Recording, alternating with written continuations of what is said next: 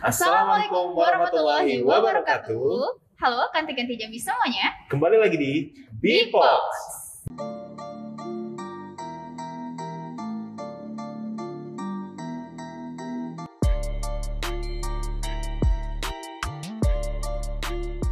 Wah, jadi di episode kali ini ya, Spesial nih. spesial perdana nih kita muncul di sini nih Jit. Betul banget. Dengan saya Sita Trisha Devi. Dengan saya Ilham Majid. Pada hari ini kita akan membawakan tema yang tidak kalah menarik, yaitu mengenai Gempur gempur rokok ilegal. ilegal. Oke, baik. Ah, aku mau tanya kabar dulu deh, biar kita Hmm. santai ya. Tak Santai. kenal sama kata sayang gimana nih kabarnya, Jit? Alhamdulillah kabarnya baik hari ini sehat eh, dan juga keluarga di rumah juga sehat. Kalau Sinta sendiri gimana nih? Aku sehat dan semangat. Sehat dan semangat karena biasa. mau mencari ilmu dari narasumber yang hari ini sudah datang di Hmm. depan kita tapi masih kita simpan ya buat teman-teman Hmm, untuk membahas lebih dalam mengenai gempur rokok ilegal. benar banget.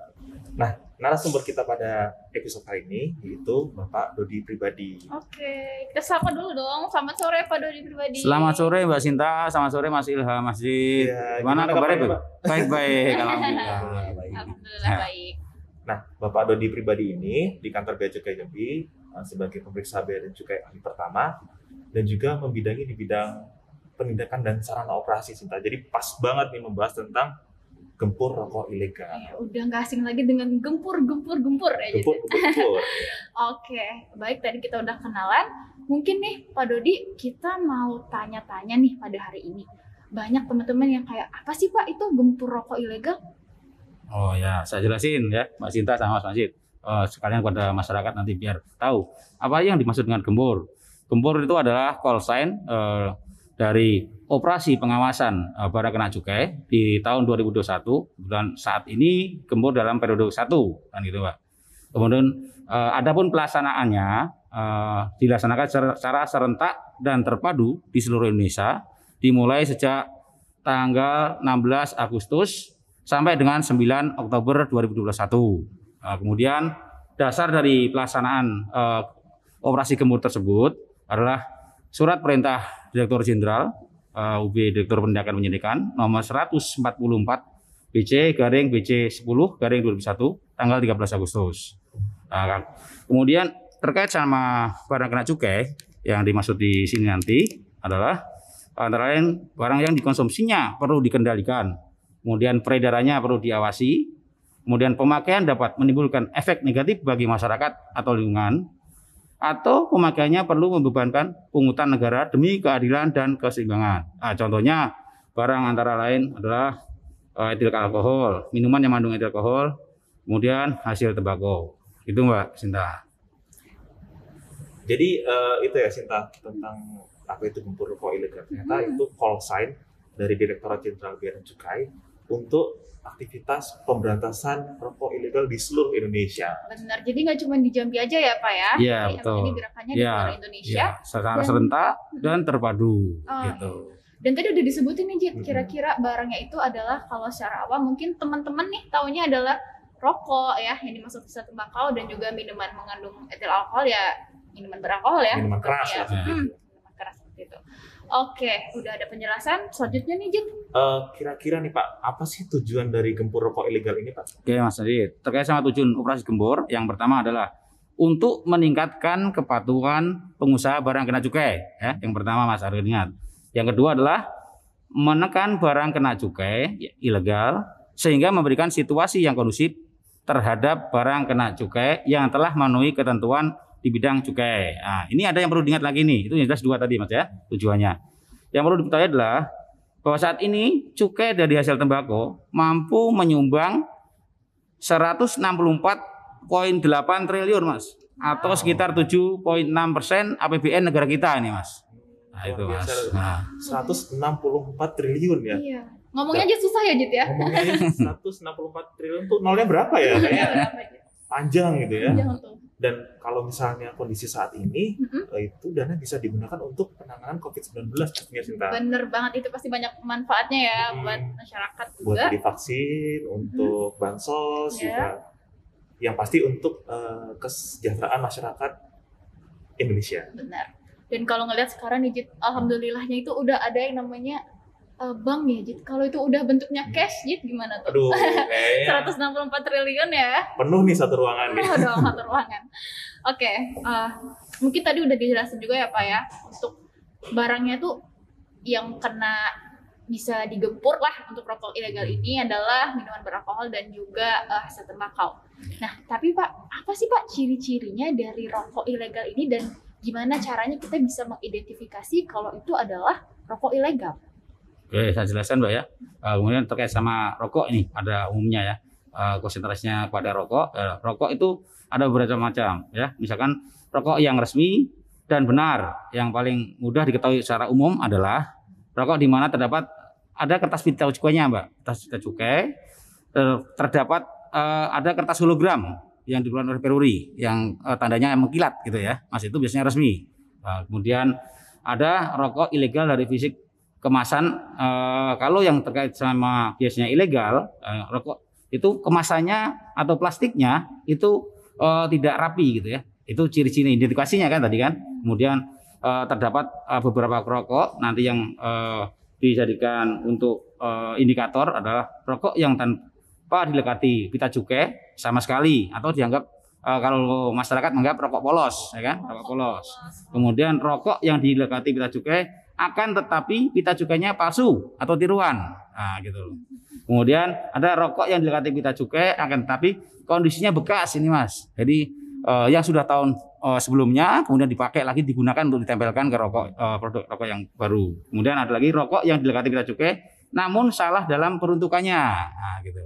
Yang misalkan dalam pita cukainya itu eh, 20 batang, nah ternyata digunakan untuk eh, 25 atau 18 lah. Seperti itulah kira-kira, Mbak. Hmm, jadi eh, cara mengidentifikasinya bisa secara kasat mata ya Sinta. Iya, Jadi tinggal kita lihat apakah itu yang pertama pastiin dulu ada pita cukainya. betul. Terus yang kedua kita pastikan bahwa cukainya eh, pita cukainya itu asli, Mhm, tidak bekas, dan juga eh, pelekatannya sesuai. mhm. Misalnya di pita cukainya itu 16 batang, yang dilekatkan kepada bungkus yang 16 batang. Mhm. Nah, Kita itu dari tadi ngomongin gempur rokok ilegal nih. ya betul. Sebenarnya apa sih sanksi yang bisa dikenakan ke orang yang memperjualbelikan rokok ilegal nih, Pak? Oke, Mas. Jadi kalau di cukai itu sendiri, eh, saya bacakan bahwa di Undang-Undang eh, Cukai bahwa Undang-Undang Cukai terkait sama pelanggaran terhadap eh, barang kena cukai ya eh, di sesuai dengan Undang-Undang Cukai nomor 39 tahun 2007 tentang cukai eh, yang selama ini ya kebetulan eh, pelanggaran yang dapat adalah pasal 56 eh, saya bacakan bahwa setiap orang yang menimbun, menyimpan, memiliki, menjual, menukar, memperoleh atau memberikan barang kena cukai yang diketahuinya atau patut harus diduganya berasal tidak pidana berdasarkan undang-undang ini dipidana dengan pidana penjara paling singkat satu tahun, ya mas. Jadi mereka menjual, eh, mengetahui ya, menimbun minimal satu tahun, paling lama lima tahun, dan atau pidana denda paling sedikit dua kali nilai cukai dan paling banyak 10 kali nilai cukai yang seharusnya dibayarkan, mas. Nah, gitu loh. Berarti itu pidana ya nanti di penjara lima tahun. Lima tahun Padahal ya cuma Pak. menjual sat- mungkin satu bungkus bisa ber- bisa di penjara satu tahun itu, Pak. Ya bisa, tapi kan nanti itulah perlunya eh, kita sebagai apa, dari bea cukai perlunya sering adanya sosialisasi kepada Sosialisasi. masyarakat sehingga masyarakat tuh tahu oh, apa sih yang sebenarnya eh, yang memang mereka harus memiliki haknya untuk tahu gitu. Di masa pandemi ini kan nggak mau ya kita di penjara satu tahun gara dan sampai dengan lima tahun gara-gara cuma penjual rokok ilegal nih Sinta. Bener banget udah PPKM Udah masa PPKM. di penjara lagi Udah aduh. di Ya dunia nyata di dibatasi, Iya. nanti di penjara Aduh, semakin iya, terbatas berarti- lagi. Aduh, banget. Jadi kanti-kanti semuanya di rumah dengan adanya undang-undang ini ya.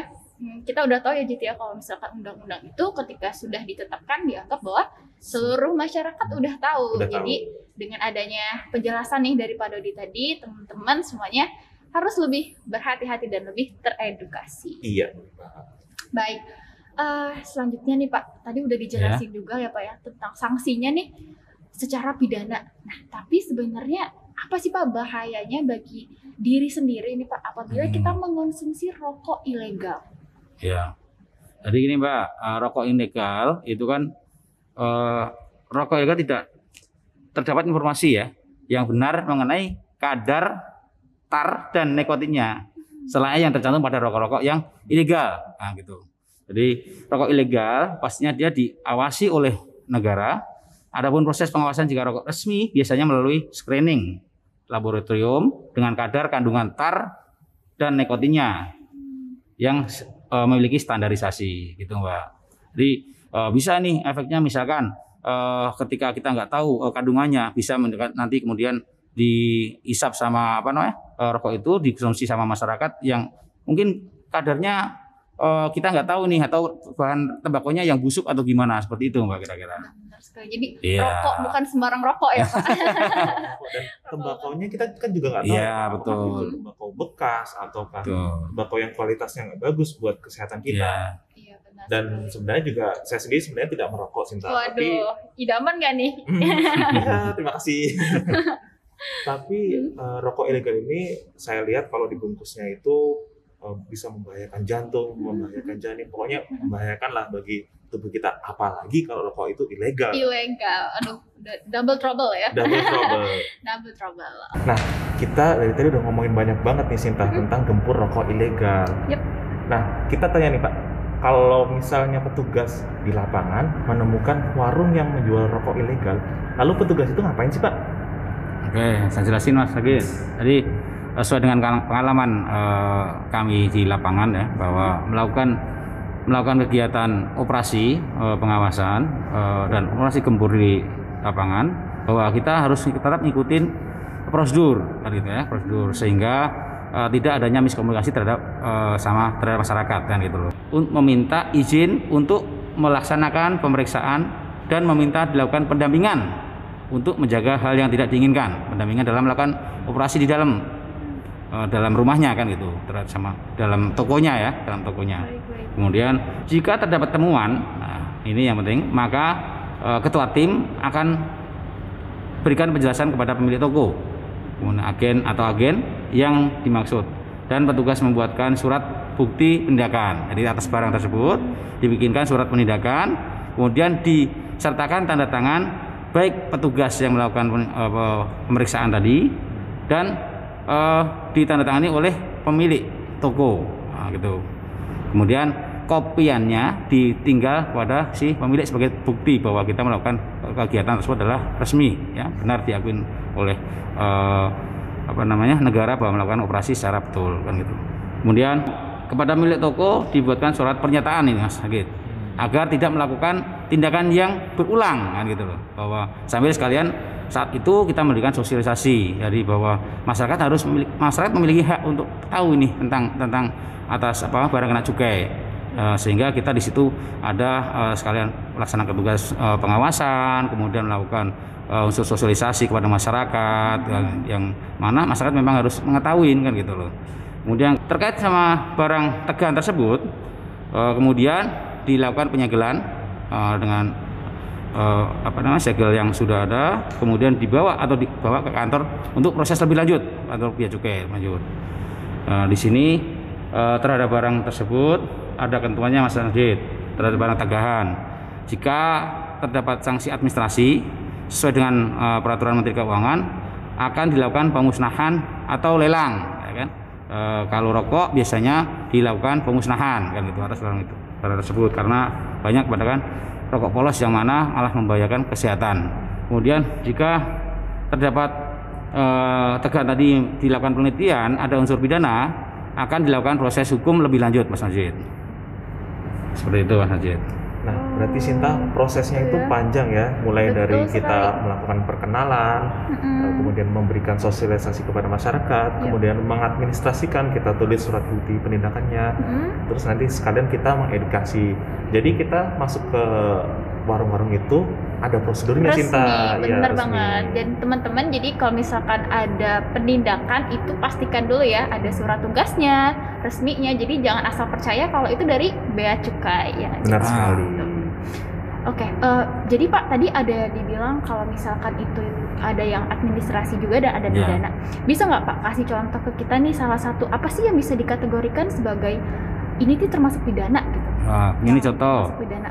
Jadi kalau kalau pidana misalkan terkait sama eh, eh, yang telah terjadi ya, kalau adanya eh, online shop misalkan kayak gitu, dia mengatasnamakan eh, dari di online shop itu rokok ini kan itu ada rokok namanya kebetulan Lukman, nah gitu loh.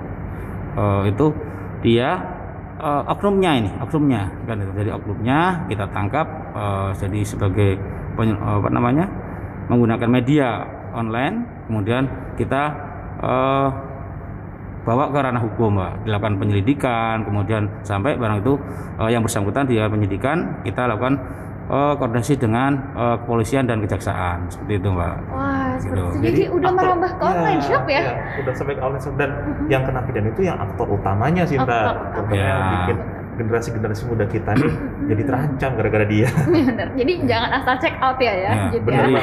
Jadi- Eh, check sekarang udah marak sekali Mbak dari mau nanti eh, bisa dari ini. Online shop itu macam-macam ya kan modusnya. Online shop itu dengan eh, modelnya berbagai macam lah triknya kan gitu. Selama ini yang kami akan telusuri terus telusuri terus karena dengan kemajuan media ya eh, semakin eh, pinternya lah eh, para masyarakat untuk me- mengelabui para petugas saya kira gitu Mungkin menggunakan alamat-alamat palsu ya kita. Iya. Aduh, kayak lagu tuh.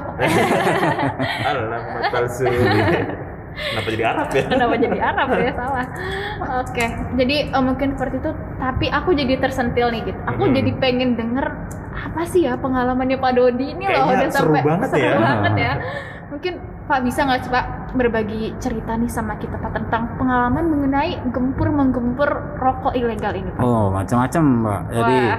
jadi yang pertama dulu di Jambi pertama kali ada yang namanya kita datang karena mungkin ya, mungkin kurangnya pemahaman masyarakat atau waktu itu Pogo, saya datengin eh, di daerah Muarabungu. Itu eh, yang bersangkutan eh, kita jelasin pertama dari beberapa teman-teman kita melakukan sudah melakukan sesuai prosedur mereka malah bawa parang. Itu juga ada. Seperti itu. Bawa parang. Merasa karena memang memang ketidaktahuan masyarakat bahwa gimana ya rokok mereka merasa merasa mereka bahwa rokok itu beli kan gitu. Loh Oh, dan dan kurangnya apa namanya saat itu memang agak sedikit pelosok ya dari dari Jambi agak jauh. Eh, mereka kurang tahu yang eh, apa namanya pengetahuan. Ya maklum saja memang memang itulah eh, kita eh, memiliki tugas dan fungsinya adalah selalu mensosialisasikan tugas dan fungsi biar juga ya, di mana pun kita berada melakukan tugas di mana pun ataupun di saat tugas ataupun kita mungkin pas berkunjung Mas Ilham, Mbak Sinta mungkin pas ada mungkin jalan-jalan rekreasi ya di silakan aja sambil berbagi ya berbagi ilmu mensosialisasikan apa sih tugas fungsi biaya cukai itu sendiri. Terus kemudian eh, apa namanya pengalaman pernah juga di daerah beberapa tempat itu yang ibu-ibu tidak terima kan gitu tidak terima. Merasa bahwa mereka beli eh, mereka beli maunya apa namanya rokok itu sendiri dirusak di situ kan gitu. Sedangkan ketentuannya nggak seperti itu kan gitu loh. Kita jelasin baik-baik bahwa apa namanya kita melakukan pemusnahan itu juga ada ketentuannya. Akhirnya alhamdulillah dari beberapa tindakan-tindakan persuasif itulah akhirnya mereka mengerti. Mengerti dan kita lakukan pengawasan itu adalah eh, kita lakukan berikutnya itu melakukan untuk eh, peninjauan kembali ke toko tersebut. Alhamdulillah beberapa tempat dengan kita lakukan tindakan-tindakan persuasif, sosialisasi ke masyarakat, eh, alhamdulillah sudah semakin mengerti dengan masyarakat di situ. Wah, semakin berkurang ya. kan gitu. Jadi walaupun banyak sekali tantangan dan mungkin ancaman, Iya. tapi Pak Dodi ini tetap sabar ya, Iya, mengedukasi masyarakat, memberikan Hmm. sosialisasi kepada masyarakat. iya, bukan tugas yang mudah ya Jit Bukan ya tugas yang ternyata mudah ya. dengan eh, semua tantangan yang ada. Iya, dengan suatu tangan. Wah, jadi eh, sangat ini apa ya? Walaupun kita menghadapi masyarakat, tapi tetap harus dengan eh, public service yang Iya, baik ya, Pak. Betul, Tetap. betul Mbak kan gitu. Kita kan sebagai petugas Mbak, eh, jadi kita eh, dibayar oleh rakyat. Nah, intinya kita harus berikan yang terbaik kepada layanan yang terbaik kepada masyarakat. Sekira gitu Mbak Sinta. Wah, luar biasa. Luar biasa. Pengen tepuk tangan boleh nggak? Wah, udah seru banget ya Jit ya bincang-bincang kita pada hari ini. Mhm. Udah kita tahu nih soal gempur rokok ilegal, sanksinya, ciri-cirinya ya Iya. tadi juga kan. Lalu ada pengalaman-pengalaman juga. Mhm. Nah, eh, mungkin dari Pak Dodi sendiri nih Pak sebagai penutup podcast kita Ah, pada hari siap. ini, eh, ada nggak Pak yang bisa dibagikan tips nih kepada masyarakat atau pesan-pesan seperti kalau misalkan masyarakat menemukan rokok ilegal itu harus melapor ke mana Pak? Oke ya. Eh, kepada masyarakat pada umumnya, eh, kepada generasi muda Mbak Sinta Mas Ilham, eh, saya berpesan kepada masyarakat bahwa masyarakat dalam menjaga kesehatan sebaiknya tidak mengkonsumsi rokok, eh, gitu. ya tentunya sih yang Dijaga ilegal, ya? jaga, Dijaga ya? sebisa mungkin. ya kan. yang kedua, jika masyarakat atau agen toko rokok eceran, eh, seyogyanya tidak menerima tawaran penjualan rokok ilegal ya. sehubungan dengan sisi kesehatan kandungan dalam rokok ilegal itu tidak diketahui Eh, kemudian terkait sama aduan bahwa jika masyarakat mengetahui adanya barang kena cukai yang ilegal baik rokok ataupun beralkohol minuman yang beralkohol dapat menyampaikan informasi ke kantor pengawasan dan pelayanan bea cukai tipe B, B Jambi ya atau telepon di bagian layanan informasi tentunya nanti Mbak Sinta terkait sama layanannya di nomor ininya silakan nanti disampaikan Baik. Jadi ada ada call centernya ya Bea Bea Cukai Jambi. Nanti apabila ada masyarakat ada keluhan mungkin tentang peredaran rokok ilegal, mungkin ada bisa jadi cepu kita. Bisa tolong dikasih tahu Tolong ya. dikasih tahu ya. Dengan nomor layanannya akan muncul di mana ya editor? Atas bawah? Hmm, Eh, sini, sini, Sini, sini, sini. Oke. Dalam boleh satu, dua, tiga. Iya. Oke. Baik, Jit. Ah, gimana nih? Ceritanya dari awal dari apa itu gempur rokok ilegal sampai pengalaman ini udah sangat lengkap ya Sinta. Hmm. Terus Kemudian tadi dikasih tahu cara mengidentifikasi rokok ilegal itu gimana dan eh, saya hari ini sangat tercerahkan. Wah, Saya tadinya the pemuda- Renaissance Man. Iya. Tadinya lost youngster Oh. menjadi tercerahkan. Oh, iya. Udah tercerahkan ya. Iya. Jadi kita ucapkan terima kasih banyak nih kepada Oh ya, Pak Dodi sama-sama pribadi Mas Ilham, Mbak Sinta. Hmm, informasi yang luar biasa. Jadi kita kaum muda ini juga jadi tahu ya Jit ya apa yang harus dilakukan dan masyarakat luas. Tentunya teman-teman semoga apa yang disampaikan pada hari ini dapat bermanfaat ya buat kita semua. Ya. Nah itu dia teman-teman pembahasan kita di podcast kali ini dengan tema gempur rokok ilegal bersama Bapak Dodi pribadi dan rekan saya Ilham Majid. Dan semoga informasi yang diberikan dapat bermanfaat untuk kita semua dan jangan lupa menjaga 3M, memakai masker, mencuci tangan dan menjaga jarak. Baik, saya Sita Trisha Devi dan Ilham Majid pamit undur diri. Wassalamualaikum warahmatullahi wabarakatuh.